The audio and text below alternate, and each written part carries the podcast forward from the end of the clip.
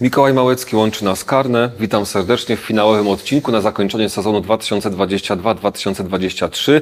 Naszym gościem jest Mateusz Wiktorek z Uniwersytetu Jagiellońskiego, który zajmuje się naukowo łowcami pedofilów i groomingiem i odpowiedzialnością karną za y, grooming w sytuacjach wątpliwych, czyli w sytuacjach związanych ze zjawiskiem łowców pedofilów. Kontynuujemy naszą dyskusję dotyczącą łowienia pedofilów. E, Mamy sytuację, w której ktoś nieumyślnie zmierza na spotkanie z osobą dorosłą, myśląc, że to jest y, dziecko, czyli takie nieumyślne, y, nieumyślne umówienie się z osobą dorosłą. Za chwilę będziemy też analizowali to całe zjawisko od strony tej osoby złowionej, ale dokończmy jeszcze wątek, wątek. łowców i pytanie, które się pojawiło. Czy były jakieś wyroki skazujące wobec łowców pedofilii? Jeśli nie, to dlaczego? Czy może podejmiecie się jakichś badań naukowych w tym zakresie? Ja odpowiem na ostatnią część. Oczywiście badania naukowe w tym zakresie są potrzebne, są konieczne. Trzeba by może przejrzeć, e, przejrzeć sytuację, zobaczyć, e, czy rzeczywiście takie wyroki były. Nie słyszałem o takim wyroku. No też pamiętajmy o tym, że trochę niewygodnie mówić o tej drugiej stronie medalu. Nawet gdyby one były, no to one jak, tak nie wypłyną na światło Mhm. dzienne, bo to łowcy by musieli jak, jakoś tak rozpowszechniać. No właśnie. No więc na przykład, gdy one nie są podawane do publicznej wiadomości, to, to tak troszeczkę umyka. Więc tego Na nie pewno wiemy. łowca jest w bardziej uprzywilejowanej sytuacji, ponieważ on y, transmisję na, swoim, na swojej stronie w mediach społecznościowych może przeprowadzić. Natomiast no, druga strona, ta ofiara tych łowców, no, nie ma y, profilu na Facebooku czy na przykład w jakimś innym medium społecznościowym i nie będzie prowadziła transmisji z procesu łowców pedofilów. Tak, ale nawet gdyby y, takie wyroki skazujące były, no to y, właśnie, jak, je, jak dotrzeć z nimi do innych osób, żeby też wiedziały o tym, y, no. I jak zainicjować to postępowanie? Tak, Bo bo, też- tutaj jest, y, bo przestępstwa, o których wcześniej mówiliśmy, czyli w szczególności znieważenie, no na przykład, Mhm. jest ścigane z oskarżenia prywatnego, a więc to sam ten złowiony by musiał je inicjować, no a wydaje mi się, że jeżeli już ktoś był na taki hejt wystawiony y, w internecie, Tak. no to raczej nie będzie chciał jeszcze jakiejś takiej e, burzy wywoływać, że on jest tak de facto ofiarą tego wszystkiego. Więc e, no, wydaje się, że e, dopóki to organy ścigania nie będą już e, tego inaczej postrzegać, czyli e, egzekwować odpowiedzialność za pozbawienie wolności w sytuacji, gdy stwierdzą, i będzie to powszechnie wiadome, że takich osób nie można ujmować, bo to nie jest przestępstwo, Albo to nie jest gorący uczynek już? albo to nie jest gorący uczynek, no to wtedy mam nadzieję, że, że to będzie jakoś skuteczne. I tak jak mówię, więc jakby do momentu, gdy organy ścigania same tego nie będą inicjować, no to raczej te przestępstwa z oskarżenia prywatnego no nie będą egzekwowane i też nawet to nie dziwi. Też yy, nawet niekoniecznie musimy dochodzić do etapu egzekwowania odpowiedzialności karnej łowców, bo zadajmy sobie pytanie o rzecz o wiele bardziej podstawową. No jak to jest możliwe, że policja akceptuje, będąc już na miejscu zdarzenia, to, że w sumie niby ma tego potencjalnego sprawcę czynu zabronionego, on już tam stoi, jest otoczony przez grupę tych osób i policjanci czekają, aż ci dokończą transmisję w internecie. No, to jest absurd. No, No to tak. powinni od razu przerwać to, powiedzieć panowie, panie, my tu jesteśmy od egzekwowania przepisów, Tak. mamy, okej, no, zgłaszacie podejrzenie popełnienia przestępstwa, no to my się tym panem zajmujemy, wy już tutaj nie macie nic do robienia. Tak, więc też e, taki apel trochę do policjantów, że już gdy na przykład będąc w służbie e, są e, skierowani do takiej akcji łowców pedofilów, no to żeby nie dopuszczać do e, tej stygmatyzacji, do transmisji na żywo, do tego znieważania czy zniesławienia, tylko po prostu taką osobę odebrać tym łowcom, Tak. E, nawet w świetle kamer być może to w końcu by- coś pokazało, że, że jakiś delikatny sprzeciw ze strony organów ścigania jest, a nie pozwalać na kontynuację takiej transmisji, e, tym łowcom właśnie w stosunku do złowionego. Tu powiedzmy też, że interweniował Rzecznik Praw Obywatelskich, zadawał Tak. pytania komendantowi głównemu policji właśnie o to, jak to jest Jak ta współpraca wygląda? Tak, no bo e, mamy takie troszkę jakby dwie strony. E, strona łowców dziękuję za współpracę. Policji. Za, dokładnie. E, a z drugiej strony e, właśnie w odpowiedzi na to pismo rzecznika było, że to nie jest, że, że e, policja takich działań e, nie prowadzi i nie będzie prowadzić. I nie współpracuje. Tak, ale też z drugiej strony e, trochę jakby można zrozumieć tych policjantów, że jeżeli oni są e, zawiadomieni o tym, żeby na przykład, że gdzieś coś się dzieje, no to oni tam jadą i słusznie, bo muszą to jakoś sprawdzić. E, więc e, problem chyba nawet nie jest to, że taka osoba jest zatrzymywana, bo chyba no, nie w kompetencjach policjantów, żeby stwierdzać, czy ktoś popełnił przestępstwo, czy nie. Choć jakby to już było bardzo powszechnie wiadomo, że taka działalność jest niedopuszczalna i że korespondowanie z, oso- z osobami dorosłymi jest też e, no, niekaralne, to wtedy bym się zastanowił nad tym, czy policja e, może tak po prostu zatrzymać dla bezpieczeństwa i, i oddać e, jakby do dyspozycji właśnie organów ści- ścigania, czy jednak powinna go po prostu jakby tak uwolnić z tych rąk tych łowców Mhm.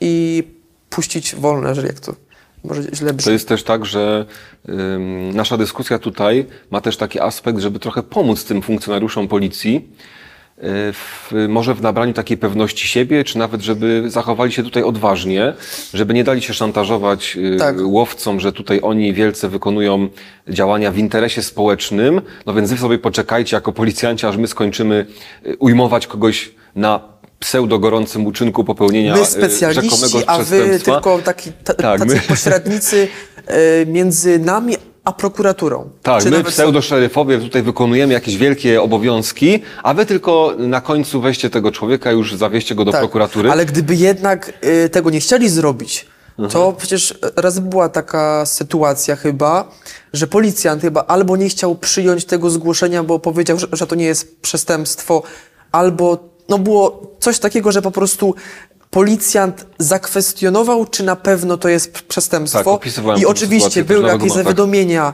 e, do prokuratury, że to jest jakoś, nie wiem, utrudnienie też e, ich działań. No więc e, dochodzimy do absurdu. Mhm. Tak. Gdzie ktoś tylko informuje de facto o stanie prawnym, Tak, a jest zaraz oskarżany o to, że, że no nie chce zatrzymać takiej osoby. I tylko jeszcze mm, dwa zdania o tym, e, jakie jest podejście w ogóle łowców do zatrzymywania takich osób na dłużej. E, Zdarza się tak, e, mimo tego trendu w Polsce, że aresztów tymczasowych jest bardzo dużo stosowanych, że taka osoba ujęta przez łowców ma tylko dozór policyjny, czyli no jest po prostu po tych 48 godzinach maksymalnie albo i mniej e, opuszcza areszt czy tam e, e, policję i jest wolna, tylko ma właśnie być do dyspozycji prokuratora i zgłaszać się na policji. I właśnie wtedy łowcy piszą pisma różnego rodzaju, że jak to jest możliwe, że tak, w cudzysłowie, niebezpieczna osoba dostała tylko dozór policyjny. No i znowu ma- presja na funkcjonariuszy, żeby z... I teraz, wypełnili i teraz, żądanie e, łowców. Jeżeli na przykład jest takie zawiadomienie gdzieś, nie wiem, do e, prokuratury gdzieś jakieś, nie wiem, e, generalnie na przykład, no to taka presja, żeby tych obywateli tak zaspokoić, że my, takich, że my takie osoby ścigamy, no jaki będzie skutek? No żeby po prostu taką osobę Mhm. albo aresztować, albo nawet no, nie zdążymy ją aresztować, bo y, popełni samobójstwo, jak już była mowa w poprzednim odcinku. Mhm. Więc taki trochę apel do policjantów, żeby byli odważni, odważni w stosowaniu prawa. Jak widzą grupę z, um, zamaskowanych osób, które budzą wątpliwości co do tego, e, kim w ogóle są, nagle się pojawiają, osaczają jakiegoś człowieka i widzą, że stoi człowiek osaczony przez jakąś grupę, to niech po prostu nie boją się podejść, powiedzieć, przepraszamy bardzo, co tu się dzieje, co tu się dzieje, niech wejdą w tą transmisję na żywo, niech powiedzą, co tu się dzieje, na pewno staną się bohaterami internetu, tymi pozytywnymi bohaterami internetu, którzy wyegzekwują prawo i powiedzą, okej, my się zajmiemy odpowiedzialnością karną tego człowieka. Wy sobie jedźcie do domu, schowajcie te swoje zabawki, Jak chcecie się przebierać w stróżów prawa, to sobie urządźcie prywatną imprezę i tam się przebierajcie w paramilitarne stroje. To nie jest miejsce, żebyście się popisywali i żebyście nam uniemożliwiali wykonywanie obowiązków. Tak, i wydaje mi się, że jeszcze takim dodatkowym elementem tego ujęcia powinno, powinno być e, jakby spisanie, czy jakby stwierdzenie tożsamości każdej z tych osób, która brała w tym udział, bo oczywiście może być znana y, tożsamość osoby, która zawiadamiała taką, która zawiadamiała po prostu policję o ujęciu. Formalnie jakby ta jedna, która pismo Tak, dokładnie, wysłała. Ale wydaje mi się, że ze względu na taką gwarancję y, procesową później tych osób złowionych, Mhm. żeby po prostu było znane, kto ich na przykład y, osaczał, Tak. że, żeby to było jasne i żeby to nie umknęło. Tym bardziej, że są takie grupy, które właśnie są w kominiarkach. Mhm. Więc nawet gdyby, jak, gdyby policjanci mieli jakieś e, kamery nasobne, no to i tak, Nie wiadomo, kto to jest. bo nie wiadomo kto to Nie jest. wiadomo, z kim mają do I czynienia. każdy może de facto właśnie uniknąć odpowiedzialności. To właśnie nie jest dla... e, Wszystkich wylegitymować trzeba na miejscu. To jakby nie jest cel tego, żeby, ym, żeby się tak jakby nie popularyzować, bo nie o to im chodzi, tylko właśnie jest taki cel, żeby ym, osoba złowiona de facto nie znała tożsamości tych osób, y, które ją ujęły. Mhm. Jeszcze dokończmy ten wątek gorącego uczynku, bo mnie przeraża jedna rzecz, to znaczy akceptowanie tego, że ktoś rzeczywiście sztucznie przedłuża czas trwania przestępstwa po to tylko, żeby sobie medialne show urządzić. Wyobraźmy sobie sytuację. Mamy osobę, o której wiemy, że się znęca nad dzieckiem. I teraz my, zamiast przerwać ten proceder, zawiadomić policję, żeby wkroczyła i odebrała dziecko, y, które cierpi fizycznie albo psychicznie y, temu katowi, my sztucznie czekamy dwa, trzy, dwa tygodnie dłużej, bo takie sytuacje też były. Sami opisywali niektórzy łowcy, że było kilka miesięcy. przeciągają rozmowy z Tak. tym człowiekiem i teraz my czekamy, wiedząc, że ten przestępca się znęca nad dzieckiem swoim w domu albo nad jakimś domownikiem, my specjalnie czekamy, bo sobie chcemy załatwić kamerkę, dobry internet w telefonie, żeby nagle wejść i ująć tego człowieka na gorącym uczynku przestępstwa. Tak. To w, pewnym, w te, pewnych sytuacjach to nawet zacznie zakrawać o przestępstwo niezawiadomienia o przestępstwie e, z artykułu Tak. 240. E, To znaczy, my wiemy o przestępstwie, które jest popełniane i mamy prawny obowiązek pod groźbą odpowiedzialności karnej zawiadomić służby niezwłocznie o tym, że takie przestępstwo jest popełniane. Tak, y, dokładnie. I trzeba, y, jakby ten obowiązek zawiadomienia jest szczególnie istotny przy tych przestępstwach seksualnych, ale też y, trzeba pamiętać o tym, że nawet gdyby przyjąć ten pogląd, że y, usiłowanie nieudolne, przy, przygotowanie, jakim jest e, grooming, jest no, niekaralne, to możliwe jest przesyłanie jakichś, na- no, na przykład materiałów pornograficznych przez tę osobę i wtedy nawet mimo tego, że ta pornografia jest wysyłana do łowców, czyli osób e, dorosłych, to i tak e, to jest przestępstwo, bo to już nie jest pr- przygotowanie, tylko po prostu zwykłe przestępstwo rodzajowe. To nie grooming, tylko Do- zupełnie inny Dokładnie. typ czynu I do zabronionego. niego już stosują się wszystkie przepisy dotyczące usiłowania i tak dalej, i tak. I w związku z tym, jeżeli no, na przykład ktoś się dowiaduje gdzieś w styczniu i dostaje takie materiały, ale w związku na przykład, nie wiem, z jakąś trasą objazdową po Polsce i ujmowaniem tych osób przetrzymuje je, no to sam popełnia bo przestępstwo. zgodnie ze scenariuszem to jeszcze tam za dwa miesiące mamy tego. Na przykład. Y, Skonkluduj, skonkluduj, sam popełnia przestępstwo y, niezawiadomienia, niezwłocznie, o przestępstwie, Tak. o którym się dowiedziałem. Tak. To takie będzie usiłowanie nieudolne przekazania dziecku materiałów pornograficznych. Właśnie znowu, sprawca nieumyślnie e, kontaktuje się z dorosłym, więc odwrotna strona tego, e, tej sytuacji to jest nieudolność co do przesłania materiałów dziecku. To jest osobne przestępstwo. Usiłowanie nieudolne. O usiłowaniu nieudolnym tego przestępstwa mamy obowiązek prawny zawiadomić. Tak. A gdy tego nie A były robimy, takie sytuacje. Nawet Tak. niektórzy łowcy pisali. Ale też nawet, e, Od dwóch miesięcy pisaliśmy z nim, zabezpieczaliśmy w trakcie materiały, które nam przysyłał. E, Łowcy nawet tak, oni właśnie mówią, że e, mają jakiś tam określony czas, w którym, który musi trwać to, to pisanie, Aha. żeby według nich to były takie niezbite dowody. To to już pokazuje Mhm. absurd. No bo jeżeli oni jakby jakoś swój kodeks zbierają... karny sobie napisali. Dokładnie. Jeżeli sobie jakoś zbierają dowody, które mają mieć jakąś wartość po kilku miesiącach, gdzie, na przykład, gdzie, gdzie tak naprawdę wystarczą dwie godziny, czy tam nie wiem, no ileś minut dosłownie, żeby to przestępstwo zrealizować w pełni, e, złożyć propozycję i jakoś zmierzać do jej realizacji i już mamy przestępstwo. Tak. A nie trzeba, żeby, żeby jakieś dowody zbierać, żeby było 40 wiadomości, a nie 3. Mhm. Czyli y, tak naprawdę za niezawiadomienie o przestępstwie również w pewnych sytuacjach mogą odpowiadać. I jeszcze jedna sytuacja y, kontrowersyjna dotycząca działalności łowców. Mianowicie ta nieumyślność po ich stronie.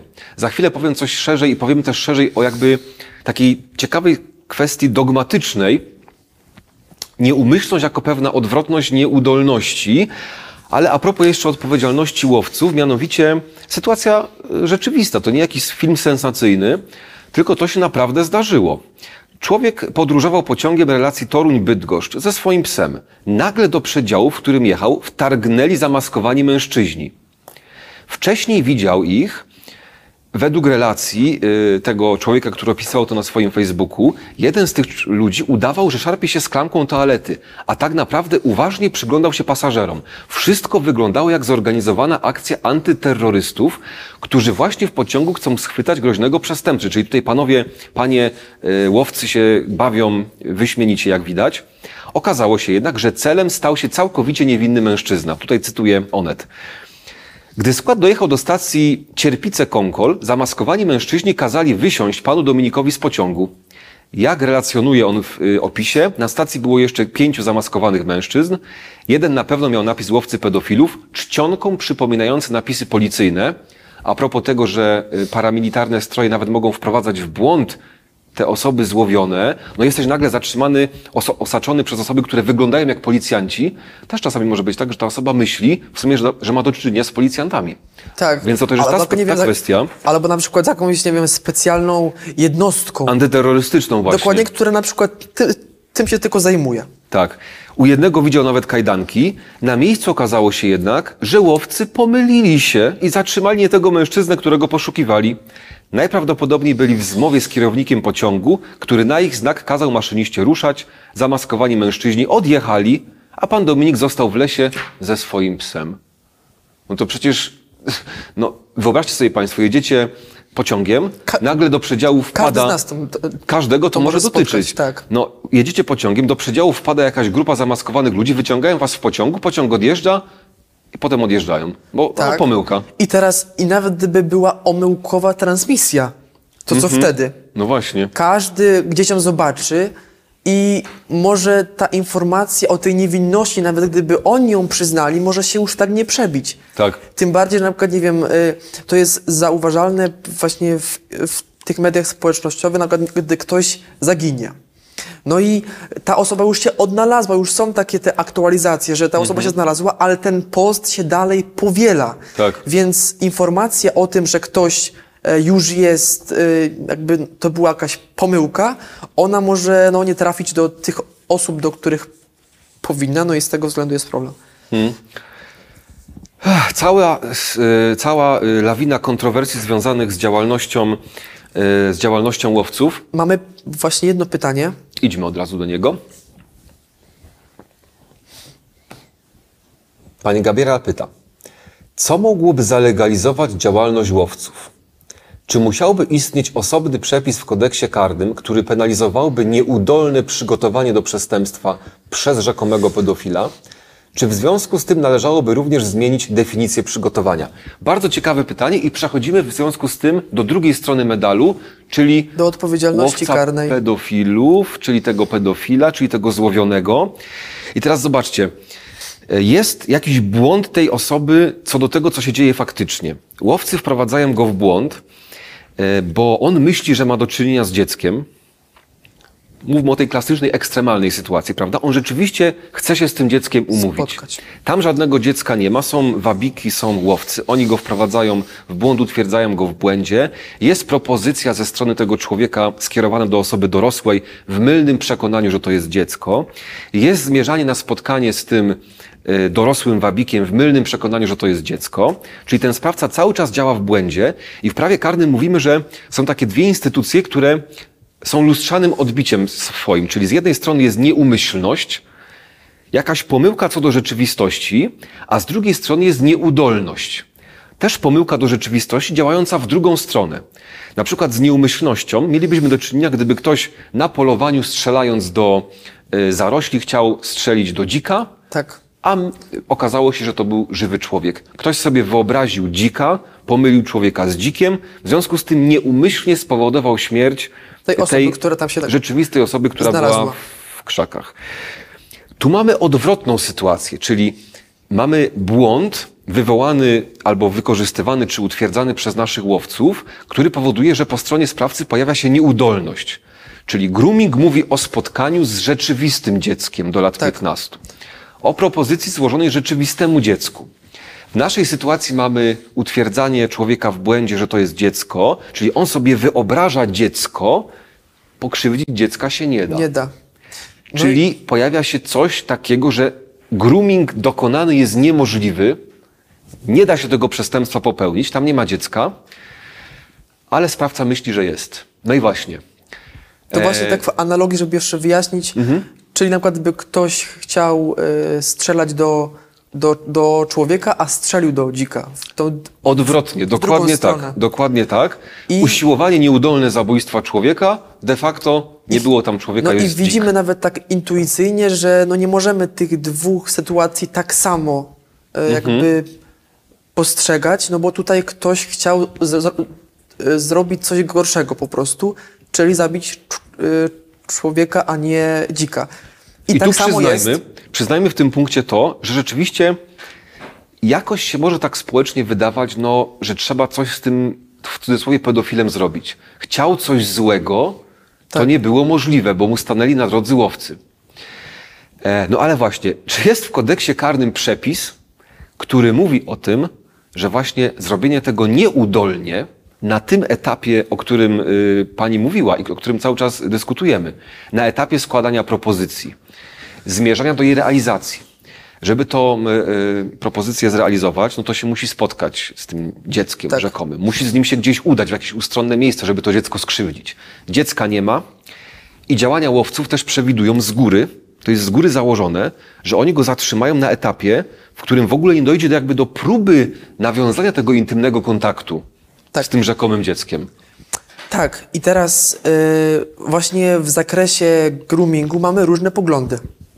O tym, jak rozumieć, y, jak jakby kwalifikować prawnie sytuację, w której, y, no właśnie takich łowców, czyli y, mm, proponowania przez tych złowionych łowcom jakichś na przykład czynności seksualnych. Y, Pierwszy pogląd mówi o tym, że to jest przy, przygotowanie do przestępstwa, więc jest związane z artykułem y, 16 kodeksu karnego. A, Definicja, o której też pani Gabriela, dobrze pamiętam imię? Tak. Pani Gabriela wspominała. tak, Przygotowanie zdefiniowane w kodeksie. a, dokładnie. Albo y, jest to przestępstwo sui generis, czyli po prostu takie, do którego mają zastosowanie wszystkie instytucje y, z części ogólnej, czyli usiłowanie i tak dalej, i tak. I teraz jaki jest problem tego, że y, no, należałoby postrzegać artykuł 200a y, paragraf 2 jako przygotowanie. Są tam spenalizowane czynności przygotowawcze do popełnienia przestępstwa tego dalej idącego, czyli z artykułu 200 e, paragraf 1, a więc obcowania płciowego z małoletnim poniżej lat 15. E, Więc jakby to jest taki zaczynek tego, nawet z tych propozycji to też To wynika propozycja wynika nawet. z, właśnie z tych propozycji, że, że ta osoba chce zrobić y, coś złego, ale y, to ma przybrać taką jeszcze gorszą formę. No i e, właśnie e, zgodnie z tym poglądem, że jest to przygotowanie, no też są znowu jeszcze dwa poglądy, że albo je możemy usiłować, albo nie możemy go usiłować. E, profesor Zoll zresztą też wskazuje w odniesieniu do tego drugiego z poglądów, a więc tego, że jest to przestępstwo sui e, generis, że nie można usiłować przestępstw z abstrakcyjnego zagrożenia dla dobra e, prawnego. E, a takim właśnie jest e, grooming e, z paragrafu drugiego. E, no i e, no bo to tak e, z takiej perspektywy konstytucyjnej my chcemy penalizować zachowania, które, które jakby tworzą takie abstrakcyjne zagrożenie, bo jeszcze jest daleko do tego kontaktu intymnego, czy nawet do usiłowania tego kontaktu, ale jednak stwierdzamy, że to już jest na tyle niebezpieczne, że chcemy to penalizować. Em, więc te przestępstwa z abstrakcyjnego zagrożenia, one są już na tyle em, jakby dalekie od, od tego, od y, naruszenia dobra prawnego, y, że wprowadzanie jeszcze do nich, em, Abstrakcji do abstrakcji jeszcze dalej idącej. a więc usiłowania tego przestępstwa, a jeszcze dalej nieudolnego e, usiłowania, no to my się cofamy cały czas wstecz. A przecież e, przepisy kodeksu karnego, zresztą to nawet jest kodeks karny, to nie jest wykroczenie. E, tu mówimy o przestępstwie, one muszą być proporcjonalne. My musimy obywatelom jakąś wolność e, też właśnie no, zapewnić. I gdy już penalizujemy przestępstwa z abstrakcyjnego zagrożenia, no to raczej nie powinniśmy się jeszcze bardziej cofać. Od razu mówię, że to jest na żywo. Tak, więc jak ma, ma pytania, to można zadawać. E, tak, i już kończąc te kwestie, więc e, no trzeba, a właśnie zgodnie z drugim poglądem em, tego drugiego poglądu, bo, bo, bo mamy w, w, su, w sumie cztery, Cała mozaika nam się tworzy poglądów, Dokładnie. co pokazuje też kontrowersyjność ym, sytuacji, ale też y, konieczność jej skrupulatnego rozważania. Tak, i, i właśnie jest ostatni z poglądów. y, mówi, że mimo tego, że to jest y, przestępstwo z abstrakcyjnego zagrożenia, to możemy stosować do, do niego y, konstrukcję usiłowania. No więc mamy cztery różne możliwości. De facto Która jest najlepsza? ta zgodna z kodeksem karnym. Tutaj też nie ma, tak która jest lepsza. Tutaj nie ma wyboru, że coś jest sprzecznego na przykład y, z kodeksem karnym. Ale więc- też to jest ważne w sumie to, co odnotowałeś, bo zobaczcie Państwo, trzeba dwie rzeczy odróżnić od siebie. Modelowo my możemy różne teoretyczne konstrukcje sobie budować. Na przykład usiłowanie do usiłowania do typu abstrakcyjnego zagrożenia. No, można sobie taki model odpowiedzialności karnej zbudować, tutaj taki łańcuszek zazębiających Będzie się, nakładających możliwy. na siebie jest możliwy. Ale właśnie pytanie jest, co przewiduje polski kodeks karny? Czy on przewiduje karę za to nieudolne przygotowanie się do przestępstwa, więc za ten nieudolny grooming, za coś, co nie zagraża konkretnemu dziecku, za coś, co jest zdefiniowane w artykule 16 jako przygotowanie do przestępstwa? Też ważne to, co powiedziałeś. Definicja, definicja legalna. Pani Gabriela na to zwróciła uwagę. Definicja legalna tej formy stadialnej. No, ym, to jest chyba bardzo fajne stwierdzenie, że z tych teoretycznych konstrukcji trzeba wybrać tą, która najbardziej pasuje do obowiązującego kodeksu karnego po prostu. Tak, dokładnie. E, I pytanie do, i dotyczyło tego jeszcze w przypadku groomingu, jak powinniśmy ten nieudolny ewentualnie sp- spenalizować. I moim zdaniem e, jakby takie rozszerzenie e, na, te, na rozszerzenie y, definicji z artykułu 16 na nieudolne przy, przy, przygotowanie moim zdaniem no, nie jest y, poprawne i jeżeli już chcemy jednak to spenalizować, to tylko w jakby w, w przypadku tego typu. Czyli możemy po prostu wpisać, nie wiem, y, paragraf trzeci do tego... 200a. Do 200a, który y, penalizowałby to zachowanie, nawet gdy osoba pozostaje w błędnym prze- prze- przekonaniu, że y, koresponduje y, z dzieckiem.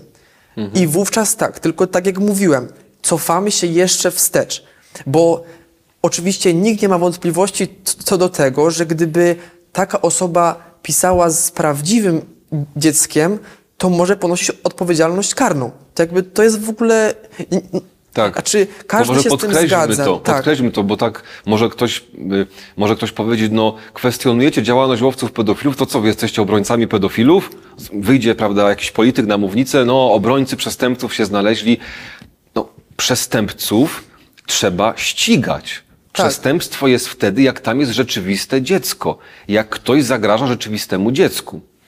W sytuacji, w której mamy przepis mówiący o rzeczywistym dziecku, mamy przepis, który mówi o tym, że przygotowanie jest karalne tylko wtedy, gdy ustawa, Ustawa tak, tak stanowi.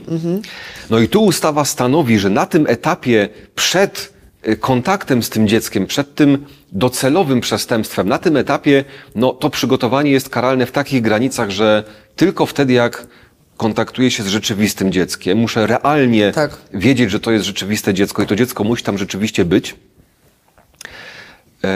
no to to nie jest obrona przestępców, tylko to jest wręcz przeciwnie, no obrona ludzi niewinnych. I też jakby Tak. z, z, y, zwróćcie Państwo uwagę, Mateuszu, nie wiem, czy byś się ze mną zgodził, to jest też taka sytuacja, że nikt tych ludzi nie weźmie w obronę. I to jest jakby problem, że ciężko jest wziąć pod, w obronę pedofila. To znaczy, y, no właśnie, próbujecie tutaj zwolnić z odpowiedzialności karnej te osoby, które grożą dzieciom, które są takie właśnie y, niebezpieczne społecznie. To chyba No też jest właśnie- wartość takiej analizy naukowej, też wartość publikacji naukowych, to czym też się zajmujesz pisząc o groomingu, że no ktoś musi pokazać, jakie jest prawo i tego pedofila, który sam się nie obroni, którego nigdy nie obroni, no bo to jest właśnie pedofil, jego trzeba zwalczyć do końca.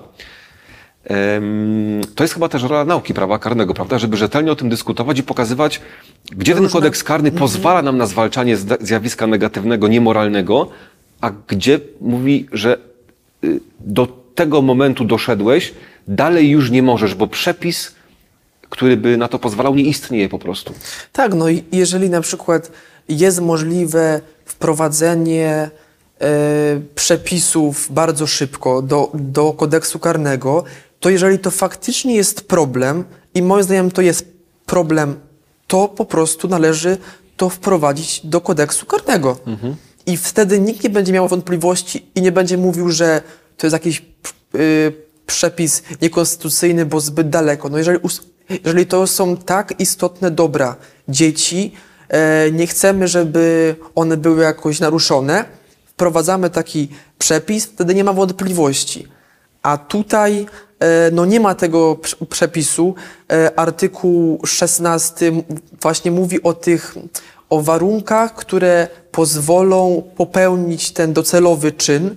No więc właśnie tutaj no na przykład jakieś umówienie się na, na spotkanie i tak dalej, i tak dalej. Też może, bo też nieraz to się pojawia gdzieś w, dy, w dyskusji, to ym, spotkanie z łowcami to nie jest usiłowanie przestępstwa pedofilskiego z artykułu 200 paragraf 1. To trzeba też podkreślić, bo Mhm. Tego żeby, do, docelowego przestępstwa Tak. polegającego na już kontakcie fizycznym Tak. z dzieckiem, intymnym kontakcie. Bo łowcy chyba nieświadomie to e, mylą, bo piszą, że to jest artykuł 200, Mhm. paragraf 2, więc chyba nie, nie o to chodzi, ale nawet gdyby to przyjąć, to musi być bezpośrednie zmierzanie do, do y, dokonania tego y, czynu zabronionego. No i w sytuacji, gdy ktoś się spotyka, y, znaczy ci łowcy, y, z, y, z tym złowionym gdzieś na przykład na ulicy, no to niemożliwe jest nawet tak intuicyjnie, żeby dokonać y, obcowania płciowego.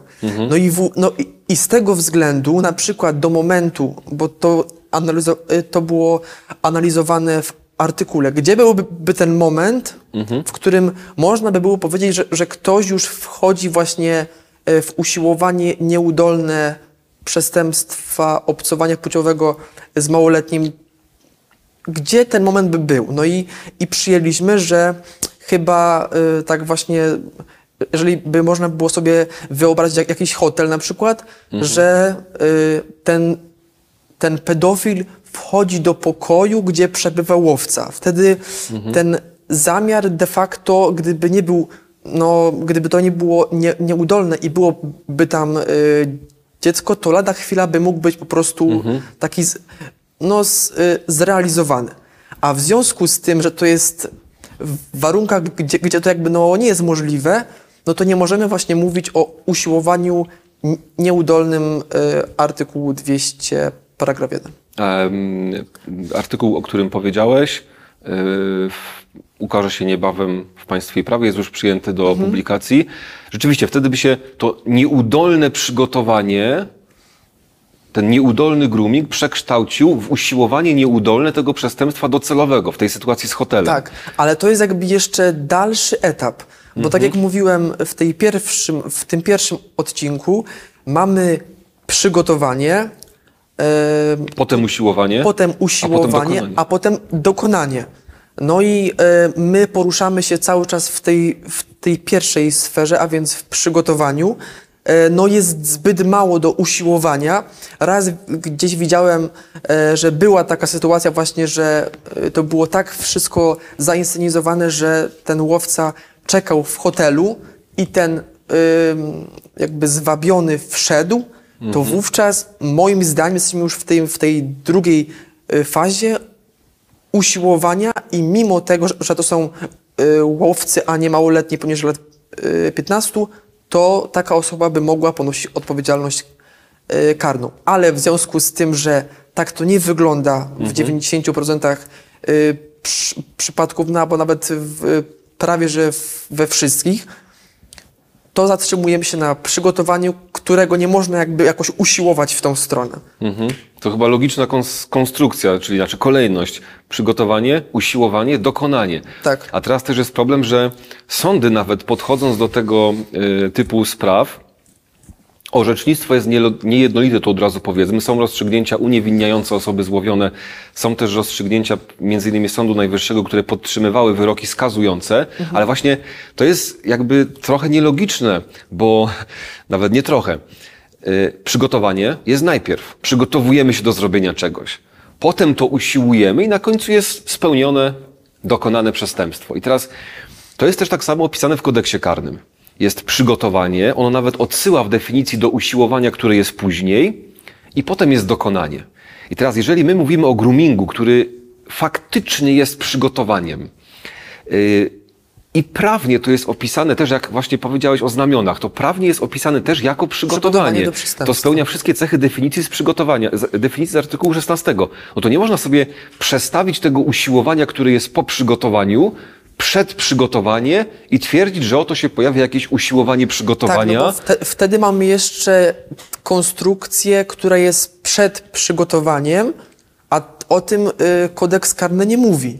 Mhm. I w związku z tym A wręcz można powiedzieć, że mówi, tylko że to, co jest przed przygotowaniem, cały czas jest przygotowaniem. To znaczy, jak robię coś, co poprzedza tą właściwą czynność przygotowawczą, która jest opisana w kodeksie, no na przykład, nie wiem, sprawca się loguje na czata, żeby za chwilę nawiązać kontakt z jakimś małoletnim. Ale to jest jeszcze niekaralne wtedy. No właśnie, to jest niekaralne, ale y, zwróć uwagę, że to jest jakby dalej przygotowanie.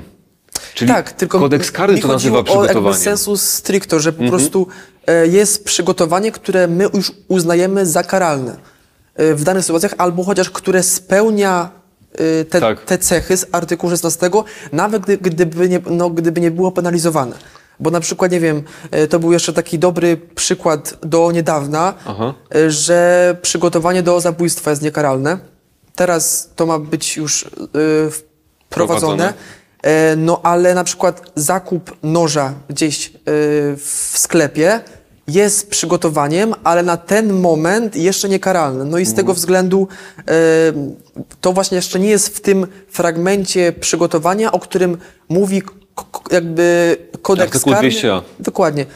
W ten, który już jest karalny i sprawca może ewentualnie ponosić odpowiedzialność e, karną. Jeszcze nie wiem, czy mogę powiedzieć o Oczywiście. E, tak krótko o tym, e, bo pojawia się taki argument, że łowcy wyręczają organy ścigania. Czy organy to mogą robić? I właśnie zastanawiałem się nad tym, czy państwo jako e, taka skomplikowana jednostka, czy właśnie może e, organizować takie ujęcie na przykład. I e, analizowałem w tym zakresie ustawę o policji, która co prawda, tak nie wchodząc w szczegóły, umożliwia mm, złożenie propozycji, no ale jest to propozycja, e,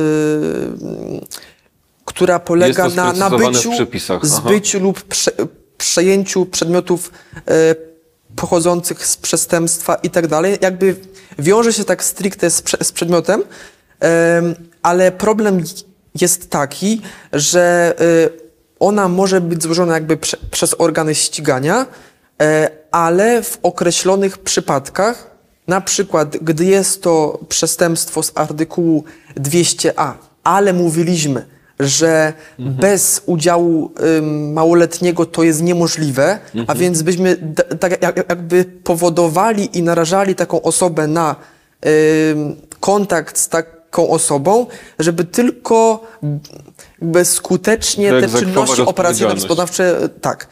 Albo, m, albo gdy mówimy o artykule 200, który już nie został w artykule 19 e, ustawy o policji wprost wskazany i on się tylko zalicza do przestępstw prze, przeciwko e, wolności e, seksualnej, gdy pokrzywdzonym jest małoletni.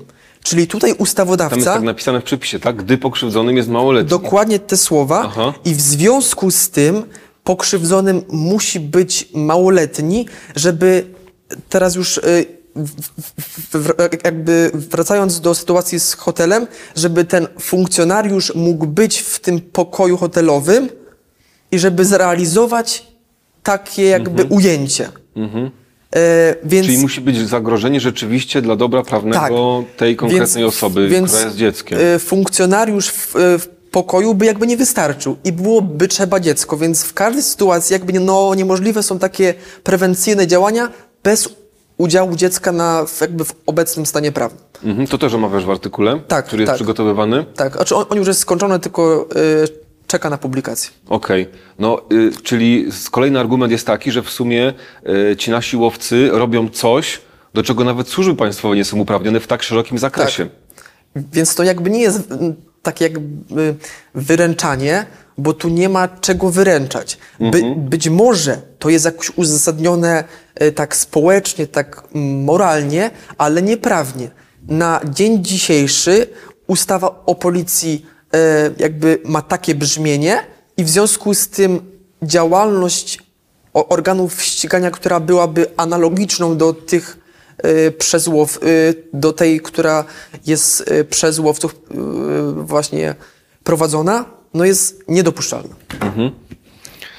E, Plus właśnie kwestia zastępowania trochę ustawodawcy. Jeszcze możemy do, do tego dodać ten wątek, no bo ym, przyjmowanie odpowiedzialności karnej w sytuacji, gdy nie ma rzeczywiście wyraźnego przepisu mówiącego o takiej odpowiedzialności karnej, tylko sobie budujemy jakieś teoretyczne konstrukcje usiłowania, odniesionego do przygotowania i mamy taki nieudolny grooming, za to przypisujemy odpowiedzialność karną, no trochę też to może kolidować nawet z podstawowymi zasadami konstytucyjnego państwa opartego na trójpodziale władzy. Tak, i jeszcze tylko y, wtrącę, bo pojawił się ważny komentarz, Super, tylko on dobra. jest zbyt długi, więc tylko, a czy go może To go przeczytaj może.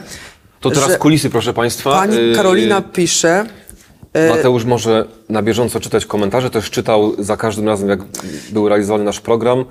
Po prostu czasami się nie mieszczą na ekranie. Tak, i ten głos jest takim zwieńczeniem tej dyskusji, bo pokazuje, jak społeczeństwo y, właśnie postrzega. To może przeczytaj E, w tak. całości dla osób, które będą słuchały podcastu. Zakończyłam niedawno badanie opinii społecznej na temat stygmatyzacji potencjalnych sprawców przestępstw, przestępstw na przykładzie działalności łowców. Niemalże 100%, y, 100% y, y, y, tych respondentów nie zakłada tego, że złapany potencjalny sprawca jest osobą niewinną. Uzasadniają to przede wszystkim takimi argumentami jak jeśli ktoś pisze z dzieckiem, to nie jest niewinny. Nawet jeśli dzieckiem jest pełnoletni wabik, czy y, albo łowcy współpracują z policją, więc wszystko jest sprawdzone. I w tym badaniu u, ukazała się też ogromna skala hejtu i niektóre komentarze dotyczące osoby y, potencjalnego sprawcy przestępstwa nie, daja, nie nadają się nawet do publikacji. Więc to jest takie potwierdzenie tego, o czym mówiliśmy prze, przez y, cały odcinek, y, w sumie trochę jakby nie badając, znaczy nie operując badaniami, ale takim odczuciem, jak to jest takie zauważalne w tych transmisjach. Tu mamy to sprawdzone. Y, Pani Karolino, proszę dać nam znać, może jeszcze teraz w komentarzu, jak Pani jest na żywo, czy gdzieś będą te badania opublikowane. Dokładnie. Bo bardzo fajnie by to było też pokazać. I jeszcze też chciałem skomentować, bo to jest istotne. Tutaj mamy komentarz pana Marcina, który y, pisze, że organy to mogą robić. No właśnie tego nie mogą robić. To jest prosta od, odpowiedź. Więc y, jeżeli y, ktoś zanalizował ten stan prawny, to to jest niedopuszczalne. Właśnie specyfika tych przestępstw Różnią się na przykład od korupcyjnych, o których Pan pisze. Dokładnie, to jest, to jest zupełnie coś innego i ustawa w przypadku przestępstwa pedofilskiego wymaga, żeby pokrzywdzonym był małoletni, czyli jakby nie można, e, Nieudolny E, czyn w ogóle nie wchodzi w grę. no na przykład, no na przykład No bo po- usiłowaniem organy do- nieudolnym nie jest dostają pokrzywdzony małoletni. Tak, organy, no na przykład y, do, one dostają informację, że ktoś chce kogoś zgwałcić, ale ta osoba nie jest osobą właśnie y, ma, y, małoletnią, a więc już w takiej sytuacji to jest niemożliwe. A tutaj ustawa wymaga, żeby to była osoba małoletnia, a więc no, z tym przestępstwem jest problem, a w przy e, groomingu jest problem taki, że po prostu dogmatycznie to nie jest przestępstwo, e, więc no, a żeby jakby te czynności miały sens, no to ktoś musi zrealizować zamiana prze, prze, przestępstwa, a nie zrobić jak, jakby coś, co nie jest przestępstwem. Tak, niecokolwiek, niecokolwiek nawet co nam się wydaje, że jest kontrowersyjne społecznie i może rzeczywiście być w innym kontekście groźne, za coś y, może grozić odpowiedzialność karna, na przykład za to przesłanie zdjęcia, o którym powiedzieliśmy, myśląc, że to jest dziecko. Dobra, na to jest inny przepis, inny w ogóle przedmiot ochrony. Przed treściami pornograficznymi ten sprawca nie musi zmierzać do spotkania, nie będzie ataku na fizyczną sferę y, wolności tego dziecka, tylko właśnie wolność od pewnych treści, które są, mm, które uznajemy, że dzieci się nie powinny z tym zapoznawać. Tak. A osobną sprawą jest to, co organizują łowcy, wokół czego się kręci cała ta ich działalność. No bo nawet jak, nawet gdybyśmy pomyśleli w ten sposób, że okej, chodzi o wyłapanie tych, którzy te treści internetowe przesyłają, te treści pornograficzne, no to znowu, gorący uczynek jest wtedy, jak on to prześle. Prześlę, tak. I na to jest jeszcze Dostaje- 240 kk. Od razu Tak. masz niezwłocznie zawiadomić o usiłowaniu nieudolnym przesłania treści dziecku. Tak. Więc organizowanie też w związku z tym jego ujęcia potem po dwóch czy trzech dniach y, po to, żeby hejterską y, transmisję przeprowadzić, to znowu jest po pierwsze niewypełniony wymóg niezwłocznego zawiadomienia policji, po drugie nie ma żadnego gorącego uczynku przestępstwa, no bo to przestępstwo już jest skończone. To przekazań, związane z przekazaniem zdjęcia. A grooming nieudolny, wokół którego to się wszystko kręci, no ja wierzę trochę, że orzecznictwo pójdzie mm, po linii stosowania kodeksu karnego. Tak. Bo zwróć też uwagę na jedną rzecz. E, jak sądy mówią winny, to to jest katalizowanie tego, co łowcy robią. To znaczy, nie ma neutralnego wyroku sądu w tej sprawie. Każdy wyrok skazujący, czy y, y, tego łowcę, prawda, tą osobę, tą, tą, tego, tą osobę złowioną, każdy wyrok skazujący jest wodą na młyn działalności łowców. Chodzą z tymi po prostu orzeczeniami i mówią, zobaczcie, jest wyrok skazujący, czyli robimy to dalej. Nakręcamy tą spiralę hejtu, nienawiści, łamania prawa. tak jak mówisz, no to jest y, problem jest z tym, że jeżeli mam jakiś w, w, y, dany właśnie wyrok y, k- z działalności łowców, no to mamy taką jakby potwierdzenie, że robimy dobrze. Tak. I tyle. Więc to jest chyba. Y, zacząć tr- trzeba chyba od stosowania prawa prze, prze, przez sądy, potem przez ściganie y, czynów tych łowców, a na końcu analizujmy to, czy należałoby y, wprowadzić karalność takich. za- Y, ta, no, tak, Zmiany w stanie prawnym dokładnie. ewentualnie. tak. Mhm. I to myślę, że jest bardzo dobre podsumowanie naszej dyskusji.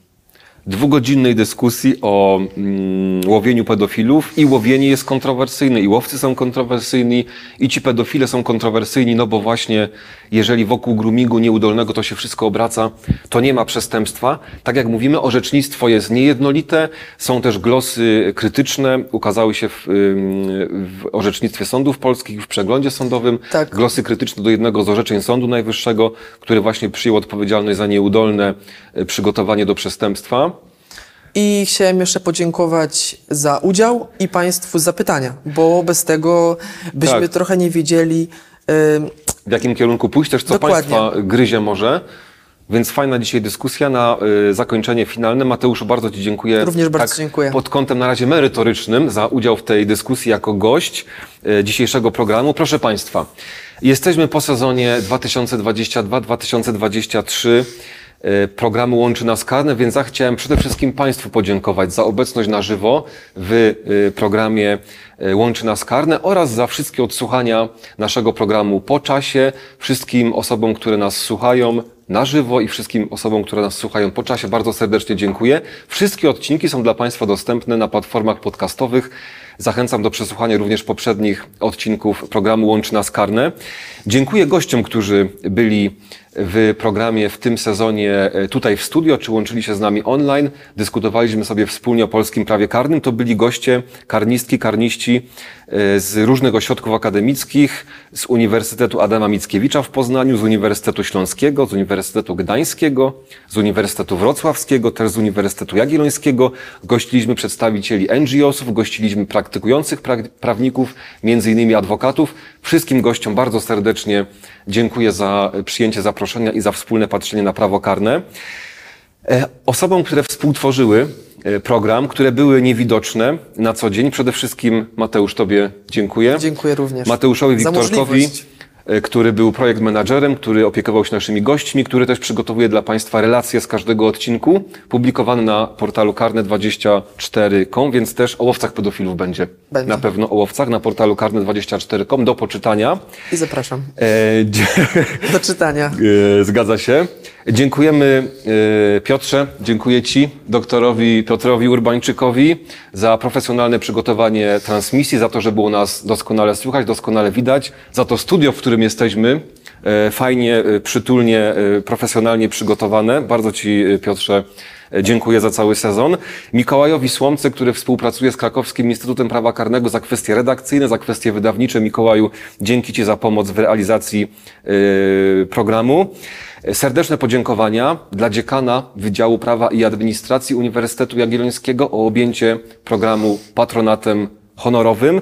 Dziękuję Kopernikus Center za możliwość przeprowadzania transmisji naszego programu z profesjonalnego studia. Bardzo serdecznie dziękuję.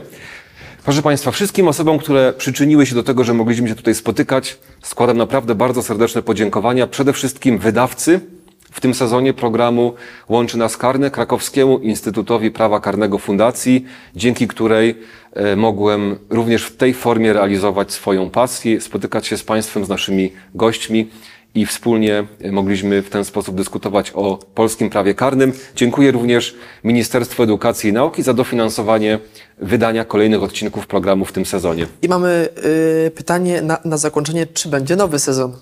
Właśnie. Trzeba na nie I- udzielić odpowiedzi. E, Trzeba na nie udzielić odpowiedzi. Proszę Państwa, z nadzieją, że spotykamy się również w kolejnym sezonie. E, żegnam się z Państwem w tym sezonie. Spotykamy się oczywiście na co dzień wspólnie sobie patrząc na prawo karne, między innymi na dogmatach karnisty. Serdecznie zapraszam do śledzenia dogmatów karnisty. Być może zobaczymy się jeszcze w jakiejś telewizji w międzyczasie i z nadzieją właśnie, że spotykamy się również w nowym sezonie programu Łączy Nas Karne. E, Bardzo serdecznie Państwa już na te odcinki zapraszam. Być może na jesień 2023 roku. Będzie mi bardzo miło móc z Państwem się spotykać. Dziękuję serdecznie i sezon programu Łączy Nas Karne 2022-2023 uważam za zamknięty. Do zobaczenia.